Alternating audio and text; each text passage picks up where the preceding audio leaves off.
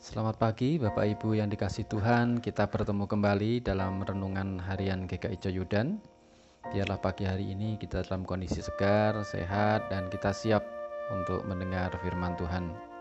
Sebelum mendengar firman Tuhan, mari kita berdoa mohon pertolongan roh kudus. Bapa kami yang di surga, kami mengucap syukur kepadamu Tuhan untuk pagi hari ini Karena kami telah bangun dan kami siap untuk mendengar firman-Mu. Kami percaya bahwa Tuhan yang selalu memberikan kehidupan dalam diri kami dan pagi hari ini pun juga akan memberikan firman. Dan kami siap Tuhan untuk menerima firman-Mu. Biarlah firman ini menjadi kekuatan bagi kehidupan kami. Mohon roh kudus menolong kami sehingga kami dapat mendengar firman-Mu dengan baik. Dan kami boleh menerapkan firman itu Tuhan dalam kehidupan sehari-hari. Terima kasih Tuhan, di dalam Yesus kami berdoa. Amin. Bapak Ibu yang dikasih Tuhan, renungan pada malam hari ini saya ambil dari Yakobus 1 ayat 12 sampai 18. Yakobus 1 ayat 12 sampai 18 demikian. Berbahagialah orang yang bertahan dalam pencobaan, sebab apabila ia sudah tahan uji, ia akan menerima mahkota kehidupan yang dijanjikan Allah kepada barang siapa yang mengasihi Dia. Apabila seorang dicobai, janganlah ia berkata, "Pencobaan ini datang dari Allah." Sebab Allah tidak dapat dicobai oleh yang jahat, dan Ia sendiri tidak mencobai siapa pun. Tetapi tiap-tiap orang dicobai oleh keinginannya sendiri, karena ia diseret dan dipikat olehnya dan apabila keinginan itu telah dibuai, ia melahirkan dosa. Dan apabila dosa itu sudah matang, ia melahirkan maut. Saudara-saudara yang kukasihi, janganlah sesat. Setiap pemberian yang baik dan setiap anugerah yang sempurna datangnya dari atas, diturunkan dari Bapa segala terang. Padanya tidak ada perubahan atau bayangan karena pertukaran.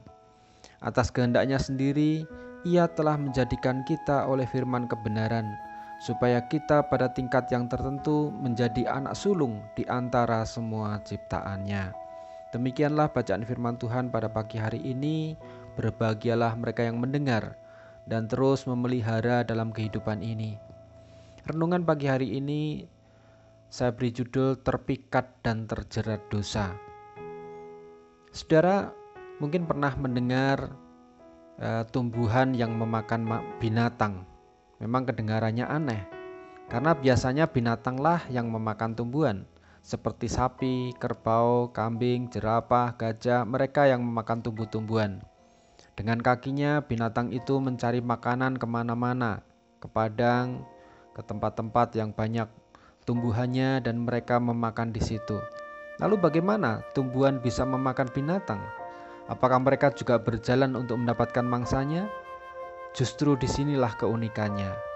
Kalau binatang aktif mencari tumbuhan untuk dimakan, tetapi tumbuhan pemakan binatang ini tidak perlu berjalan dan bersusah payah mencari makanannya, karena makanannya akan datang sendiri untuk dimangsa.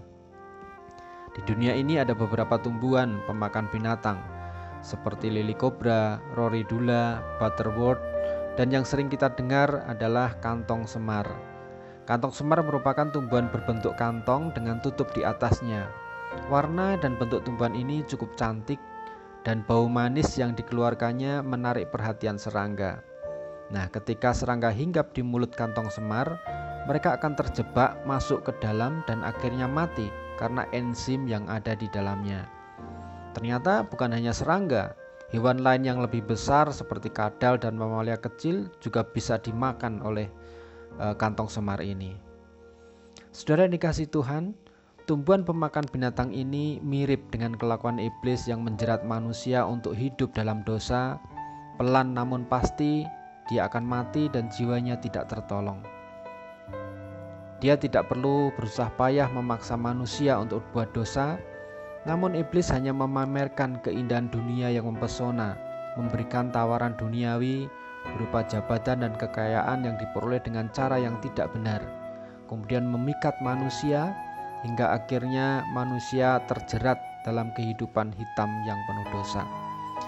Oleh karena itu, Orang Kristen perlu memperkuat imannya dan terus memelihara firman Tuhan serta hidup dalam kebenaran Kristus yang dipimpin Roh Kudus agar tidak terpikat dan akhirnya terjerat oleh tawaran iblis.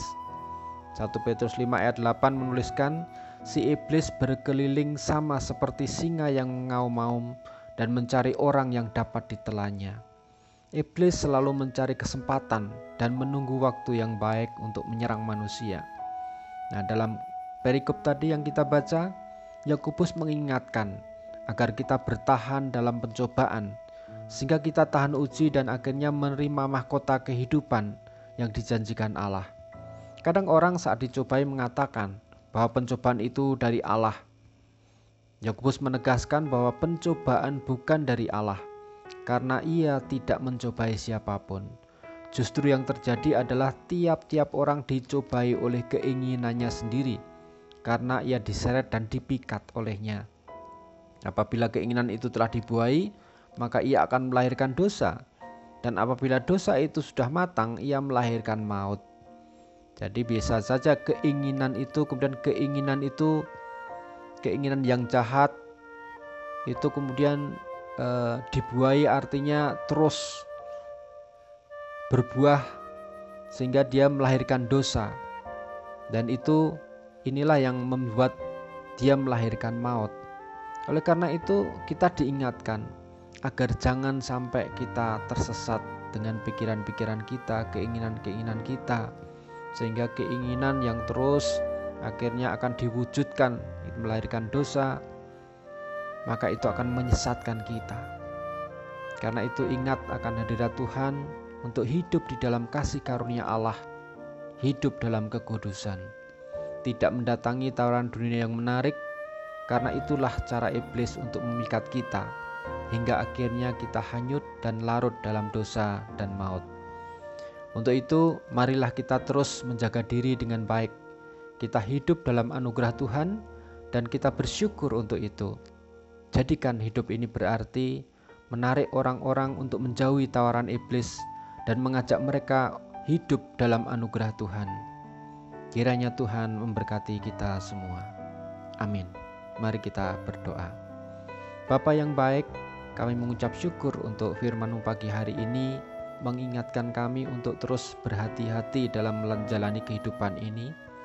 Banyak sekali tawaran-tawaran dunia yang memikat namun menjebak karena itu berasal dari iblis yang membuat kami kalau larut di dalamnya akan terus berbuat dosa dan itu menjadikan kami jauh dari Engkau dan kami semakin hidup dalam dosa semakin dalam dan akhirnya kami hidup dikuasai oleh iblis.